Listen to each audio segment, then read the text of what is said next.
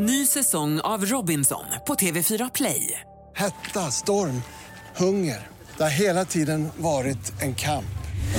Nu är det blod och tårar. Fan händer just nu. Det. Detta är inte okej. Robinson 2024, nu fucking kör vi! Streama söndag på TV4 Play. Podplay. Du vet väl om att du kan lyssna på avsnitten av Fallen jag aldrig glömmer en dag före alla andra. Redan på torsdagar kan du lyssna på podden på podplay.se eller i appen Podplay. Och naturligtvis är det gratis. Det är intressant därför att pengar utgör ju ofta ett rationellt motiv, ett instrumentellt motiv för brott av olika slag medan kärlek utgör ett emotionellt motiv och de är inte alltid förekommande i samma fall utan det är tvärtom ganska ovanligt. Kan nästan tro att det är film ibland men det är på riktigt och just att man vet att det får sådana konsekvenser som det kommer få. Utan den här infiltrationen så hade man aldrig klarat upp den här brottsligheten. Vi var ju fast beslutna om att inte sluta leta förrän vi hade hittat honom. Man lyckades rädda två barn från pågående övergrepp. Sen springer de här misstänkta in i skogen och gör sig av med i stort sett alla sina kläder. Fallen jag aldrig glömmer. Podden som inte handlar om förövarna, som inte handlar om brottsoffer, utan som handlar om de som gjorde sitt jobb och löste brotten. Styckmordet vid Drottningholm.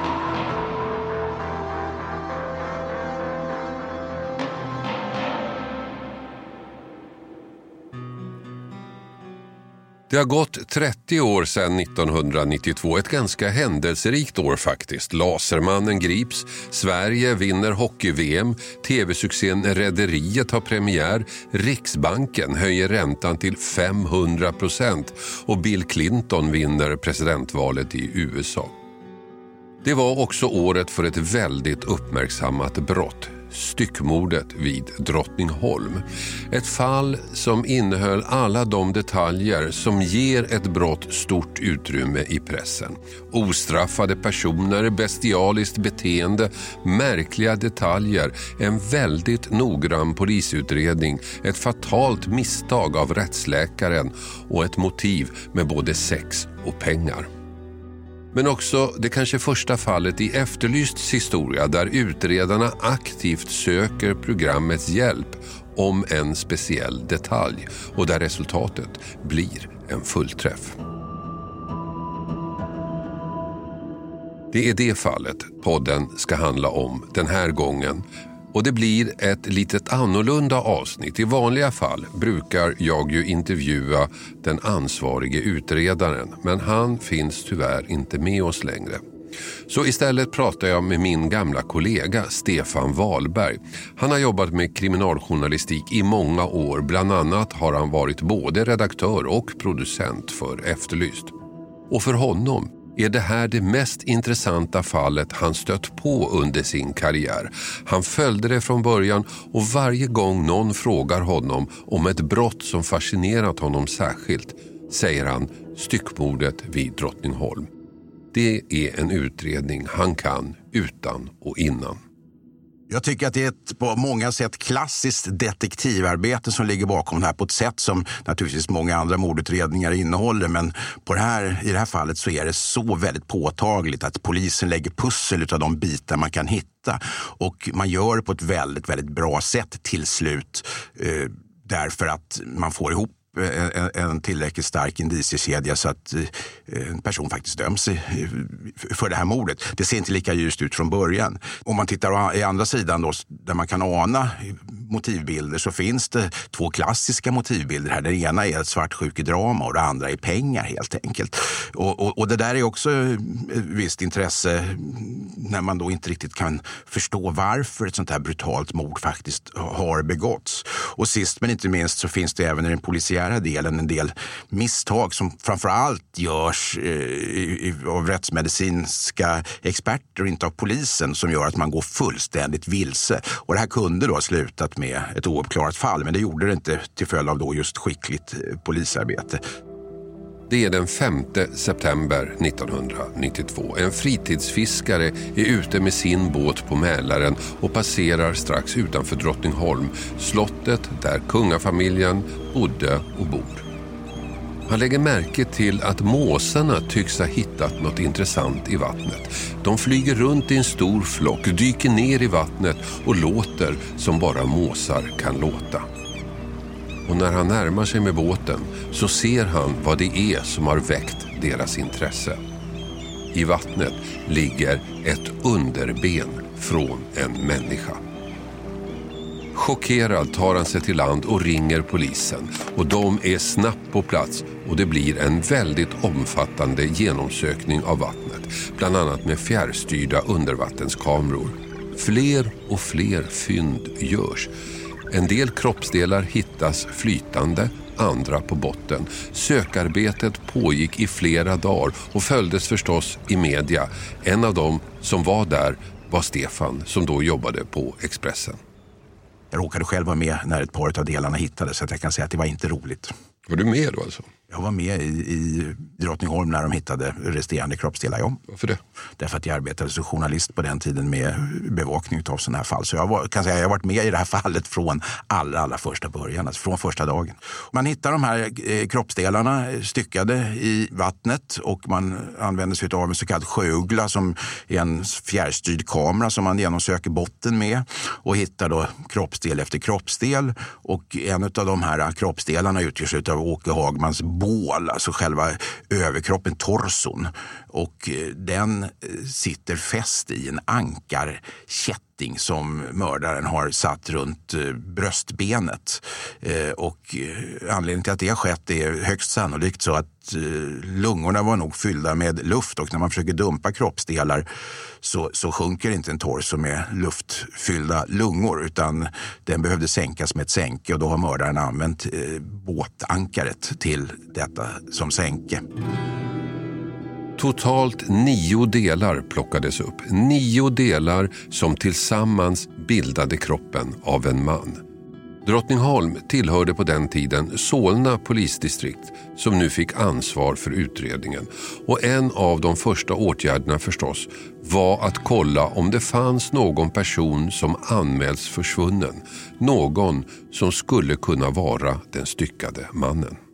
Och det här är ju rutinåtgärd. Man tittar, eh, hittar en mördad kropp. Det är av största vikt att den här identifieras. För utan en identitet eh, på en kropp så är det i princip omöjligt att bedriva en mordutredning. Det är logiskt. Va?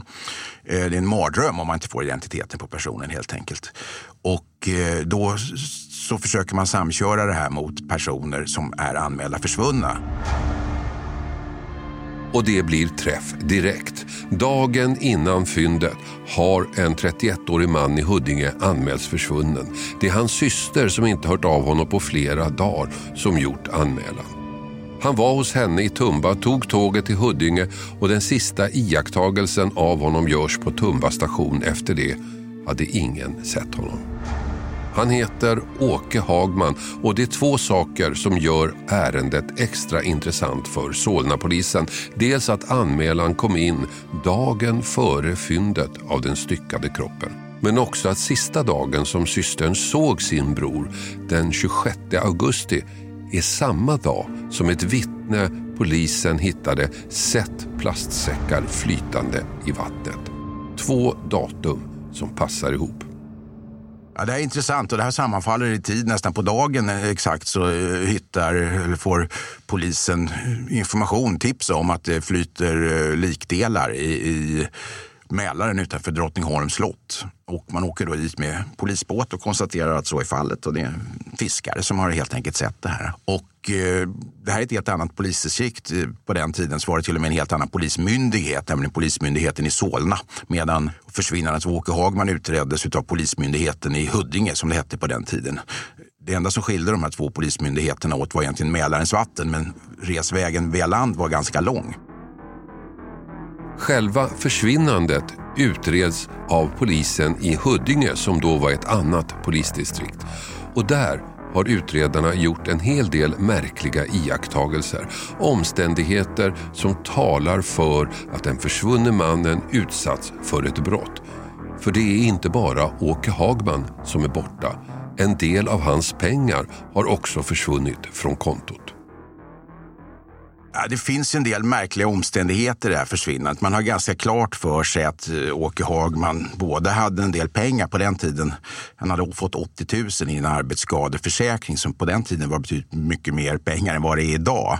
Det hade systern kunnat konstatera att det hade gjorts något uttag från det här kontot där han förvarade de här pengarna och normalt inte brukade röra dem. Och sen så kunde man då dessutom konstatera att han hade uteblivit ifrån bland annat en körlektion. Han var väldigt mån honom att senare i, i livet, eller sent i livet, han var ju över 30 år, ta ett körkort, vilket han inte hade haft råd med innan han fick den här försäkringsersättningen.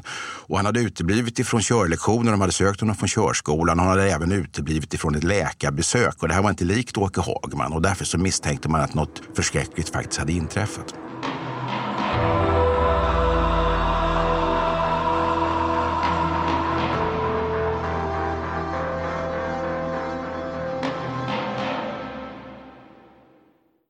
Den här veckan har vi ett betalt samarbete med Hello Fresh. Världens ledande leverantör av matkassar hem till dig. Kassar som ger dig en enklare vardag och massa matglädje på det. Nu kan du som lyssnar få extra bra pris. Med koden FRESHFALLEN kan du få upp till 1359 kronors rabatt. Jag har testat flera matkassar och det är två saker som jag tycker gör Hello Fresh extra bra. Dels förstås att jag slipper planera mat varje dag. Menyerna finns redan där. Men också för att man får precis den mängd ingredienser man behöver. Det blir inte massa saker över i skafferiet. Inget matsvinn, inga bortslösade pengar. Och sen får man ju matglädje förstås, koll på budgeten och enklare vardag. Och också möjligheten att testa nya smaker med recept från hela världen. Allt är väldigt enkelt att laga, instruktionerna är glasklara. Så vill du få en enklare vardag, minska matsvinnet och testa nya spännande smaker. Gå in då på hellofresh.se och använd koden FRESHFALLEN. Den ger dig upp till 1359 kronors rabatt på dina fem första kassar plus fri frakt på första matkassen om du inte provat HelloFresh förut. Har du varit kund tidigare kan du också använda koden om du avslutat ditt abonnemang för 12 månader sedan eller längre. Tack HelloFresh! Den här veckan har vi ett betalt samarbete med Tre, ni vet teleoperatören. Den jag själv har faktiskt och är väldigt nöjd med. Men det är många som tror att Tre inte har särskilt hög täckningsgrad, vilket är fel. Och så är det ju faktiskt med mycket vi tror oss veta. Att det vi tror är sant kan vara falskt och det vi tror är falskt kan visa sig vara sant. Jag hade faktiskt ett telefonsamtal med en kompis för inte så länge sedan, via tre då förstås. Och vi snackade om myter. Och jag tycker mig ha koll på sånt, vad som är sant och vad som är falskt. Men det är inte alltid så lätt. Till exempel berättade min kompis, ni vet om myten att svalor flyger lägre när det ska bli dåligt väder. Falskt sa jag, men det visade sig vara helt sant. Och så det här att man, om man duschar varmt på sommaren så blir man svalare. Det trodde jag inte heller på, men det visade sig också vara sant. Så det blev lite en aha-upplevelse för mig. Men så pratar vi om vår gemensamma operatör. Ja, de har ju väldigt bra täckning, sa han. Och där visste jag att han har rätt. Han visste att tre har byggt ut och nu har väldigt stor täckning. Men det är inte alla som vet. Och ibland är det inte riktigt som man tror. Sanningen är att tre nu täcker otroliga 99,3 procent av Sveriges befolkning och det avser rösttäckning baserat på folkbokföringsadress. Så läs mer på 3.se om hur de bygger ut sitt nät och täckning. Tack 3. Ny säsong av Robinson på TV4 Play. Hetta, storm, hunger. Det har hela tiden varit en kamp. Nu är det blod och tårar. Fan händer just det. Det är detta inte okej. Robinson 2024, nu fucking kör vi! Streama söndag på TV4 Play. Poddtips från Podplay. I podden Något Kaiko garanterar östgötarna Brutti och jag, Davva, dig en stor dos skratt. Där följer jag pladask för köttätandet igen. Man är lite som en jävla vampyr. Man har fått lite blodsmak och då måste man ha mer. Udda spaningar, fängslande anekdoter och en och annan arg rant. Jag måste ha mitt kaffe på morgonen för annars är jag ingen trevlig människa. Då är du ingen trevlig människa, punkt. Något Kaiko, hör du på Podplay. Därför är gardinerna. Nej, Åke Hagman var inte en sån person som bara skulle sticka iväg någonstans rent spontant. Han var heller inte en sån som skulle missa en körlektion som var viktig för hans utbildning och han skulle heller inte missa ett läkarbesök och allt det här hade han nu alltså gjort. Bara de omständigheterna i sig var tillräckliga för att Huddingepolisen skulle ta hans försvinnande på allvar. Och som om det inte räckte så fanns det alltså mer. Nämligen att någon tog ut pengar från hans konto i flera omgångar efter hans försvinnande. Något som naturligtvis oroade hans syster. Vem tog ut pengarna och hur skulle hon kunna stoppa det? Ja, det här var ju ganska intressant för man såg alltså att någon hade tagit ut via bankomatkortet som, som Åke Hagman hade pengar från det konto där han förvarade den, här försäkringsersättningen på 80 000 det här hade skett efter det datumet när han var försvunnen och det resulterade i att systern, Åke Hagmans syster, försökte ringa till då banken och spärra det här kontot. Så det är någon som tagit pengar här och, och, min bror, det är inte min bror som gör det själv utan någon som har tillgång till hans pinkod va, på bankomaten. Och då så svarar banken att ja, men du kan inte spärra hans konto. Vi, vi vet inte din bror kanske är ute och reser eller har annan anledning att hålla sig borta och så vidare. Utan det är bara han själv som kan spärra. Nej, systern kan inte spärra Åke Hagmans kort. Så hon ber Åkes kompis, som vi kan kalla för Urban, att göra det. Att ringa banken och låtsas vara Åke. En idé som visar sig få ganska stor påverkan på hela utredningen. Då kommer de på den briljanta idén att de låter Urban ringa och spärra kontot och utge sig för att vara Åke Hagman. Det görs i samråd med systern helt enkelt. Så Urban ringer till banken och talar med en annan tjänsteman och säger att jag heter Åke Hagman och jag vill att det här kontot som jag har spärras för det har kommit på avvägar. Så då spärrar de kontot. Och det som är väldigt påfallande när man då börjar utreda det här är att efter den tidpunkten att någon har ringt och utge sig för att vara Åke Hagman och, och, och spärrat kontot så görs det inte ens ett enda försök eh, till nytt uttag trots att det finns ganska stora pengar kvar på kontot. Och det här leder ju tankarna till att den som har upphört med uttagen också kände till att kontot var spärrat. Och vem skulle då det kunna vara? Jo, antingen systern naturligtvis, men eh, misstanken riktades då emot Urban. Eh, eh, därför att han kände nog i sammanhanget inte till att även försök då skulle ha registrerats, vilket man då kunde konstatera att det inte hade skett. Va? När kortet är spärrat upphör alltså försöken att ta ut pengar på Åkes konto, vilket utredarna naturligtvis noterar. Det verkar som om den som tidigare stulit pengarna nu plötsligt vet att det inte längre kommer att gå. Och det är ju bara två personer som kan veta det, systern och Urban. Systern avfärdar utredarna direkt. Men Urban vem var då denna Urban? Så här berättar Stefan Wahlberg. Urban var då en mycket nära vän till Åke Hagman och eh, hade dykt upp i Åke Hagmans liv lite grann som, rättare sagt han hade återkommit till Åke Hagmans liv efter att eh, ha bott eh, på ett annat ställe i, i Sverige innan han kom till Stockholm och dök upp som, som en bostadslös, arbetslös gammal kompis som jag vill inte påstå att han trängde sig på, men Åke Hagman var en snäll människa och lät honom bo hemma i, sin lägenhet söder om Stockholm. Och de festade och hade trevligt ihop och umgicks och sådär. Men eh, som man kan förstå om man läser förundersökningen så var Åke Hagman inte i alla delar helt bekväm med att det här kom så nära hans liv. Att den här gamla kompisen liksom flyttade in där och profiterade på honom, om man får använda det uttrycket. Och, och det uppstod, det någon form av, jag vet att i förhör så nämns att de hade ett tjafsigt förhållande. Det bråkade som både det ena och det andra, inte minst pengar och vem skulle betala för vad och så vidare. Misstankarna att Urban ska ha något med Åke Hagmans försvinnande att göra växer sig allt starkare. Och nu gör utredarna i Huddinge någonting som är rutin idag men som 1992 var helt nytt. Och det var första gången det gjordes i en mordutredning.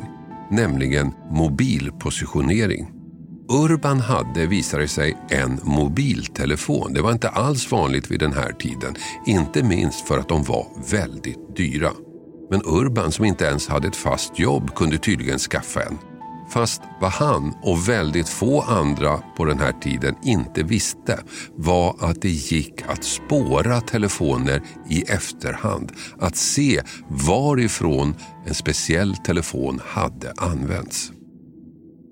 Ja, det här är ganska intressant för det här är alltså 1992. Det här är många, många år sedan och idag är det självklart, det finns i varenda mordutredning.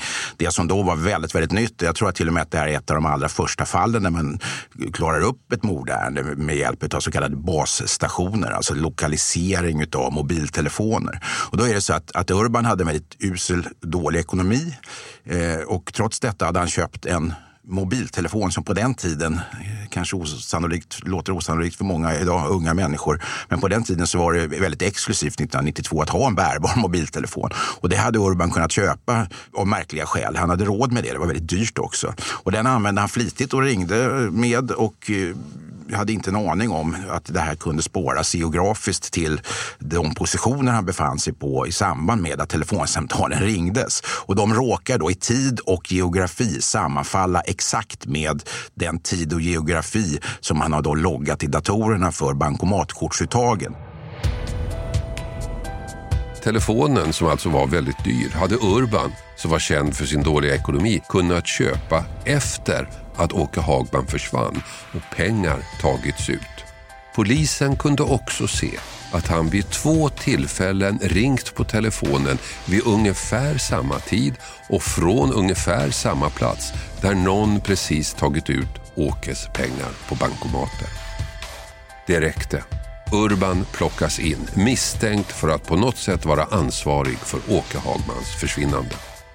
Ja, inledningsvis an, anhålls han just för människorov, det vill säga att han har någonting med försvinnandet av Åke Hagman att göra och eh, eftersom han inte har någon kropp i det läget så är det väldigt, väldigt eh, knepigt för en åklagare att få upp eh, sannolika skäl på eh, mord för man vet faktiskt inte om en människa är i livet när man inte har, om man inte har den döda kroppen. Det går alltså framåt för utredarna i Huddinge. En man gripen, ganska mycket besvärande detaljer för honom Fast själva huvudfrågan kvarstår. Var finns Åke Hagman eller hans kropp? Ja, inte i vattnet vid Drottningholm i alla fall, tydligen. För utredarna i Solna har åkt på en kalldusch. Kroppsdelarna från vattnet har genomgått en rättsmedicinsk undersökning och rättsläkaren är tämligen säker på sin sak. Det är inte Åke Hagmans kropp som hittats styckad. Signalementet stämmer inte. Beskedet kommer lite som en chock för Solnapolisen för allt annat i deras utredning stärker misstankarna att det verkligen är Hagman som hittats. Datumen, platsen och inte minst en väska som fanns vid kroppsdelarna. En väska utredarna lyckades spåra. Ja, man hittar en väska i en vassrugge, heter det så, ute på eh, Kärsön mittemot Drottningholms slott. Och den väskan är en, en, en form av träningsväska, minns att den var gul och eh, den har en, en, dekal på sig som signalerar att den här kommer någonstans ifrån. Det går alltså att härleda den här utifrån dekalen. Och det går att härleda till en yrkesutbildning för VVS-are, alltså som har skett vid ett visst gymnasium, i, i, ett vuxengymnasium om jag inte minns fel, i, i Stockholmstrakten. Och eh, när man börjar kartlägga de senaste åren, elever som har gått ut ifrån det här vuxengymnasiet, den här vuxenutbildningen, så kan man konstatera att på den, om vi kallar det för elevlistan, så finns Åke Hagman faktiskt med. Ja, väskan går alltså eventuellt att koppla till Åke Hagman. Han är en av de få personer som skulle kunna haft en sån här väska. Men det är ju inte Hagman som låg i vattnet, tydligen så utredarna i Solna blir frustrerade. Och också i Huddinge växer osäkerheten. Visst, Urban sitter anhållen. Visst, han var på åtminstone två platser från vilka Hagmans pengar togs ut på bankomat. Och visst, han och Hagmans relation var lite spänd. Men det räcker knappast för ett åtal. Ingen vet ju var Hagman är. Ingen vet om han lever. Och om han inte gör det, ingen vet hur han i så fall har dött. Så utan Hagman eller hans kropp går det inte att komma vidare. Den 2 oktober ger åklagaren i Huddinge upp. Hans bedömning är att det inte går att komma längre med Urban. Det håller inte för åtal. Han har ju haft kontinuerlig kontakt med utredarna i Solna eftersom de misstänkt att det var Hagman de hade hittat. Så den här dagen bokar han ett möte med dem. Det är den 2 oktober, en dryg månad efter att Hagman försvann och kroppsdelar hittades i vattnet. Ett möte för att meddela att han tänker släppa Urban. Men det blir inte så. För det blir ett omtumlande möte. Ett möte som förändrar allt. För mitt under mötet kommer ett besked. Ja, då blir det alltså en polisiär bingo, om man får använda det uttrycket i ett sånt här hemskt och tragiskt sammanhang. Det vill säga, det visar sig att eh, Åke Hagmans tandläkare har bevarade tandkort, alltså röntgenplåtar ifrån Åke Hagman och eh, att han kan överlämna dem till poliserna som i sin tur överlämnar dem till en rättsodontolog eh, som har röntgat eh, offrets, eh, det vill säga det styckade kroppets tänder. Och det här ger då eh, en, en hundraprocentigt säker, eh, säkert svar på att det är Åke Hagman därför att de är i överensstämmelse och helt samstämmiga de här två röntgenplåtarna från å ena sidan offret vid Drottningholm och å andra sidan Åke Hagman som är försvunnen i Huddinge. Så det här mötet som egentligen ska handla om att vi, vi kommer nog inte längre, då blir det precis tvärtom. Ja, det blir en sån här polisiär, ja, vi har nog rätt. Man kanske inte så att vi har allting i hamn, för det hade man inte i det läget. Men man visste att man kunde ha tillräckligt åtminstone för att kunna säga att det var Åke Hagman. Och det var ju så att Åke Hagman kunde i det läget åtminstone kopplas till Urban. Så att eh, få upp det på, på sannolika skäl eh, lyckades ju åklagaren med i det här fallet. Ja, mitt under mötet kommer beskedet från rättsodontologen, det vill säga tandläkaren. Åke Hagmans syster visste vilken tandläkare Hagman hade. Några utredare från Solna tog kontakt med honom och ja, han hade röntgenbilder på Hagmans tänder. De lämnades in till rättsodontologen som jämförde med kraniet från vattnet utanför Drottningholm och resultatet var glasklart. Det var visst Åke Hagmans kropp som hittats. Kroppsdelarna i övrigt var alldeles för påverkade för att med säkerhet kunna tolkas.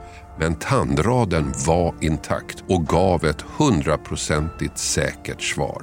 Så Urban blev kvar i förvar och de två utredningarna, den ena om ett försvinnande, den andra om en styckad kropp, slogs ihop.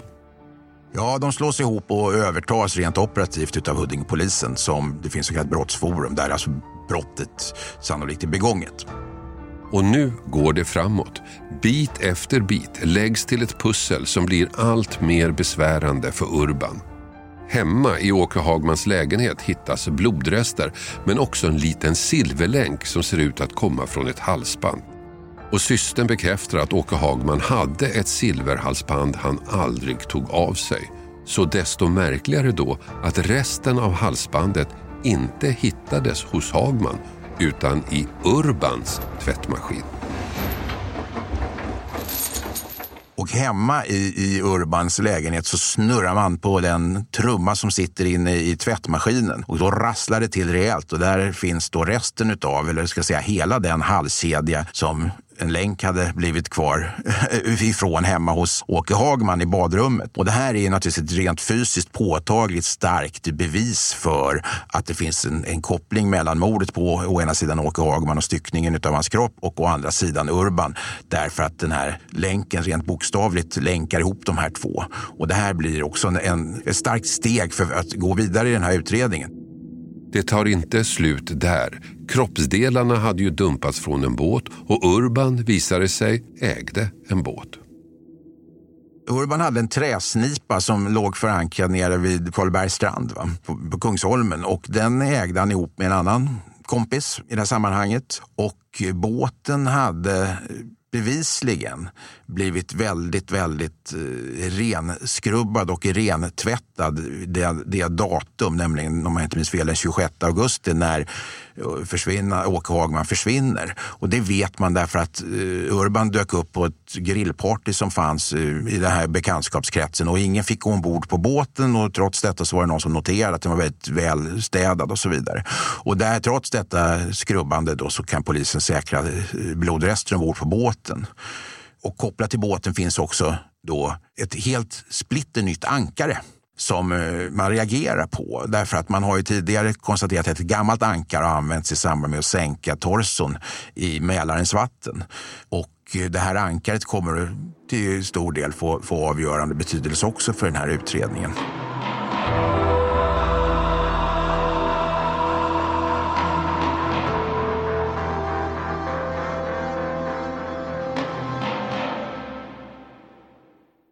Ny säsong av Robinson på TV4 Play. Hetta, storm, hunger. Det har hela tiden varit en kamp. Nu är det blod och tårar. Fan händer just det. Det är detta inte okej. Robinson 2024, nu fucking kör vi!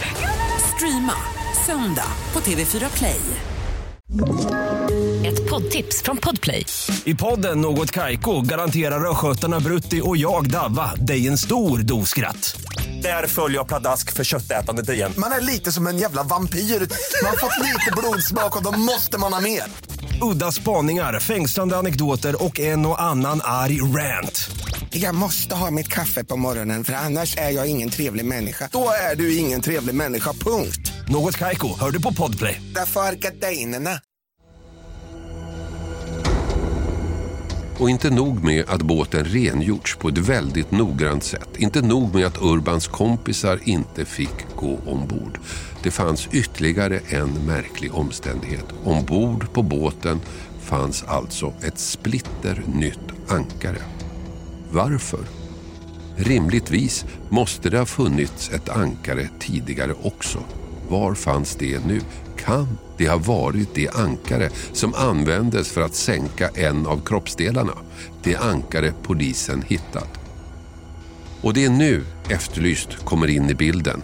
Utredarna vill veta om någon känner till var det nya ankaret är köpt. Så de gör något mycket ovanligt för den här tiden. De tar kontakt med oss på Efterlyst. 1992 hade programmet sänts i ett år och inom polisen betraktades media med en viss misstänksamhet. Men Huddingepolisen insåg potentialen och ringde redaktionen. Så där står jag i kulisserna den 15 oktober 1992 och väntar på att direktsändningen skulle börja. En direktsändning som inte bara kom att förändra mordutredningen på Åke Hagman utan också polisens inställning till programmet. Klockan 21.00 började det. Inslaget finns tyvärr inte kvar längre. Jag hade tänkt spela upp det.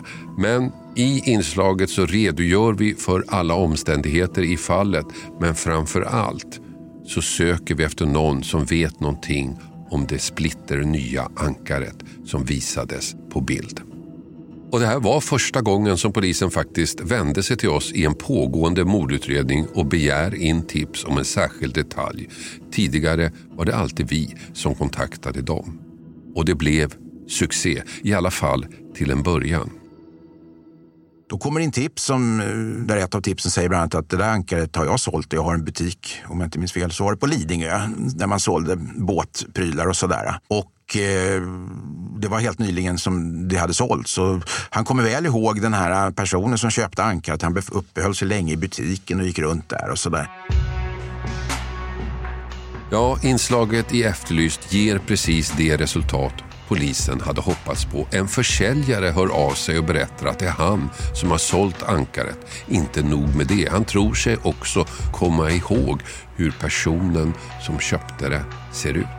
En uppgift som kan vara avgörande. Är det Urban som köpt ankaret skulle han få mycket svårt att förklara varför. Det som behövs nu är en konfrontation. Att försäljaren pekar ut Urban som mannen som köpte ankaret. Allt går fort och så står han där försäljaren och tittar på de personer polisen valt ut till konfrontationen som är uppställda tillsammans med Urban. Men det går inte riktigt som utredarna hoppats på. Försäljaren säger sig inte känna igen någon av personerna med säkerhet. Han kan inte med full säkerhet säga att det var någon av de uppställda personerna som köpte ankaret. Men i det läget och vid en konfrontation så lyckas han inte identifiera eller peka ut då Urban så som den, den personen och därför så blev det ett lite eh, sånt här västgötaklimax i det här sammanhanget. Man, man trodde att man skulle komma framåt där men det gjorde man alltså inte i det läget. Trots att konfrontationen inte går som åklagaren hade hoppats beslutar han ändå att åtala Urban för mord. Och det är en lång kedja av indicier som domstolen ska ta ställning till.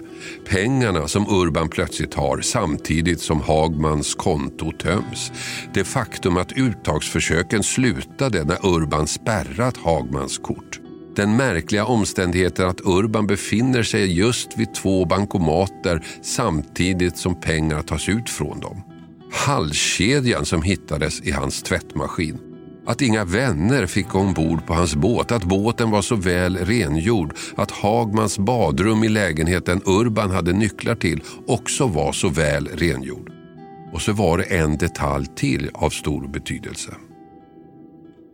Man hade några andra kriminaltekniska fynd ska sägas. Man hade bland annat en, den här rullen med, med, svarta plastsäckar som man hade säkrat i, i väskan som hittades i vassruggen.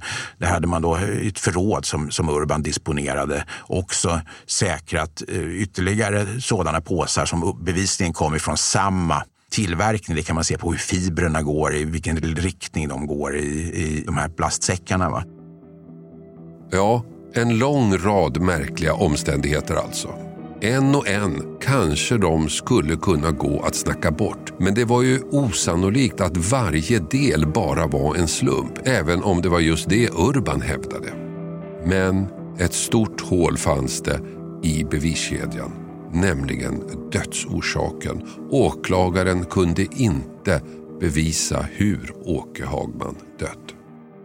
Det finns ingen dödsorsak och det här är en mardröm för vilken åklagare som helst. Det är till och med så att ett ganska stort antal ärenden som med största, största sannolikhet handlar om mord, eller där man polisiärt kan säga att det är mord till och med, har slutat med att åtal inte har väckts därför att man inte har kunnat påvisa en dödsorsak. Och det är en juridisk grundläggande princip för att kunna dömas för mord att personen i fråga kan också bevisas ha blivit mördad. Om man inte har någon dödsorsak så kan man inte säga att det verkligen handlar om ett mord. Så att åklagaren här har en, en uppförsbacke redan där och tar alltså en väldigt bred gärningsbeskrivning där han både alltså, etta, kryss, tvåan säger att i sin gärningsbeskrivning att, att Åke Hagman har, har då dödats med uh, trubbigt våld mot huvudet eller skarpt våld mot halsen, bröstet eller annan vital del utav kroppen. Men han har ingen exakt dödsorsak. Urban själv medger att det kan se märkligt ut med alla dessa slumpar, alla dessa sammanträffanden. Men han är oskyldig, han har inte mördat Hagman. Till saken hör ju att Urban nekade ju alltså in i väggen. Han säger sig inte komma ihåg något åtminstone och att han inte har en aning om vad som kan ha hänt och att det inte är han som har mördat Åke Hagman. Och han säger att han i och för sig kan, kan förstå att misstankar riktas mot honom för det finns så mycket i den här kedjan som är, är, är komprometterande för honom men att han är oskyldig. Och mot ett sådant nekande så ska det till väldigt mycket bevisning för att det ska vara ställt bortom rimligt tvivel. Så startar då rättegången. Långsamt och metodiskt lägger åklagaren fram indicier efter indicier. Är det inte konstigt att Urban råkar befinna sig vid de bankomater där Hagmans pengar tas ut? Visst, kan vara slump. Men plastsäckarna då? Också det en slump. Och kedjan i tvättmaskinen? Slump, slump, slump på slump. Knappast troligt, menar åklagaren. Den enda rimliga förklaringen till alla dessa spår och omständigheter är att Urban mördat Åke Hagman. Och så, på sista dagen, sker något som får bägaren att rinna över. Något som kan ha avgjort hela ärendet. Det är dags för försäljaren av ankaret att vittna. Han som inte kände igen Urban vid konfrontationen. Ja, han får vittna i rättssalen och eh, då får han frågan som man brukar ställa öppna frågor. Så här, kommer du ihåg någonting och hur kan du beskriva den man som var inne och köpte det här ankaret i din butik och så där? Ja, ja, han sitter ju där, svarade den här handlaren. Då. Så pekade han på Urban som satt i tilltalades stol. Va? Och det här var... Ja, han hade tidigare varit lite osäker och inte lyckats så att man kan tycka juridiskt att försvarsadvokaten skulle ha en enkel match och avfärda det här vittnet som icke tillförlitligt. Men det hade en väldigt stark psykologisk effekt på rätten att han så tydligt och klart säger ja men han sitter ju där och det gjorde han ju. Och du där då? Jag var där på, på det här, eh, jag följde hela rättegången på plats, ja. Plötsligt kunde alltså försäljaren peka ut Urban. Och för Urban var det ju första gången han faktiskt såg försäljaren efter att han har köpt ankaret. Det hade han ju inte fått göra vid den första konfrontationen. Och när försäljaren kommer in i rättssalen rycker Urban till som om han kände igen honom. Och ju mer försvarsadvokaten försöker pressa försäljare, desto mer övertygande blir berättelsen. På konfrontationen har han ju bara sett personerna genom ett spegelglas. En spegel han kan se igenom men som personerna på andra sidan inte kan. Och menar försäljaren, den här spegeln blev som ett filter. Alla som var med såg ut som zombies, säger han. Men nu kände han igen Urban och tingsrätten trodde på honom, liksom hovrätten. Båda domstolarna fann det bevisat att Urban mördat Åke Hagman i Hagmans egen lägenhet, att kroppen styckades där, att Urban sen körde ut med delarna i sin båt och dumpade dem i vattnet utanför Drottningholm. Domen blev livstid. Men en sak kunde varken utredarna eller domstolarna helt klarlägga motivet. Varför skulle Urban mörda sin kompis? Urban och Åke Hagmans relation gick långt tillbaka i tiden och det utmålas i förundersökningen som om de var bästa vänner. Men Åke Hagman eh, hade också en stark irritation emot Urban som då på något sätt klamrade sig fast i hans liv. Han hade ingenstans att bo. Han kommer dit och, och, och flyttar in hos Åke Hagman. Åke Hagman är väldigt snäll, låter honom bo där. Han får hans nycklar till lägenheten, till och med hans kod till bankomatkortet för att eh, Urban har väldigt dålig ekonomi och, och, och ska i något sammanhang då ta ut pengar när inte Åke Hagman själv kan göra det. Han litar så att säga blint på en människa som sen är, är i det här sammanhanget så pass, så pass eh, kallblodig att han både kan mörda och, och stycka sin bästa vän. Och i detta finns då ett, ett kärleksdrama kring en, en kvinna som båda två i den här umgängeskretsen är intresserad utav. Och exakt hur det här ska viktas mot varandra, det vet ingen mer än att man vet att det var ett ganska tjafsigt och, och bråkigt om jag säger då, förhållande mellan Urban å ena sidan och Åke Hagman å andra sidan den sista tiden. Och mycket tyder på att Urban var även avundsjuk på de pengar som Åke Hagman hade fått i, i den här eh, ersättningen från försäkringsbolaget på 80 000 som alltså var väldigt mycket pengar på den tiden. Och det var betydligt mer än vad man då kunde disponera över som en, en arbetslös, hemlös person som, som Urban som i och för sig inte var på något sätt, han var dömd för ett, en stöld tidigare i livet men han var liksom inte någon kriminell person utan han var tillfälligt arbetslös och så. Så här fanns svartsjuka och här fanns pengar. Det är två klassiska motiv för mord. Ja, kanske de två allra mest klassiska motiven för mord som finns här i någon form av ohelig allians. Och det är intressant därför att Pengar utgör ju ofta ett rationellt motiv, ett instrumentellt motiv för brott av olika slag medan kärlek utgör ett emotionellt motiv och de är inte alltid förekommande i samma fall utan det är tvärtom ganska ovanligt. I år är det alltså 30 år sedan mordet inträffade. Urban fick så småningom sitt straff tidsbestämt och idag är han en fri man.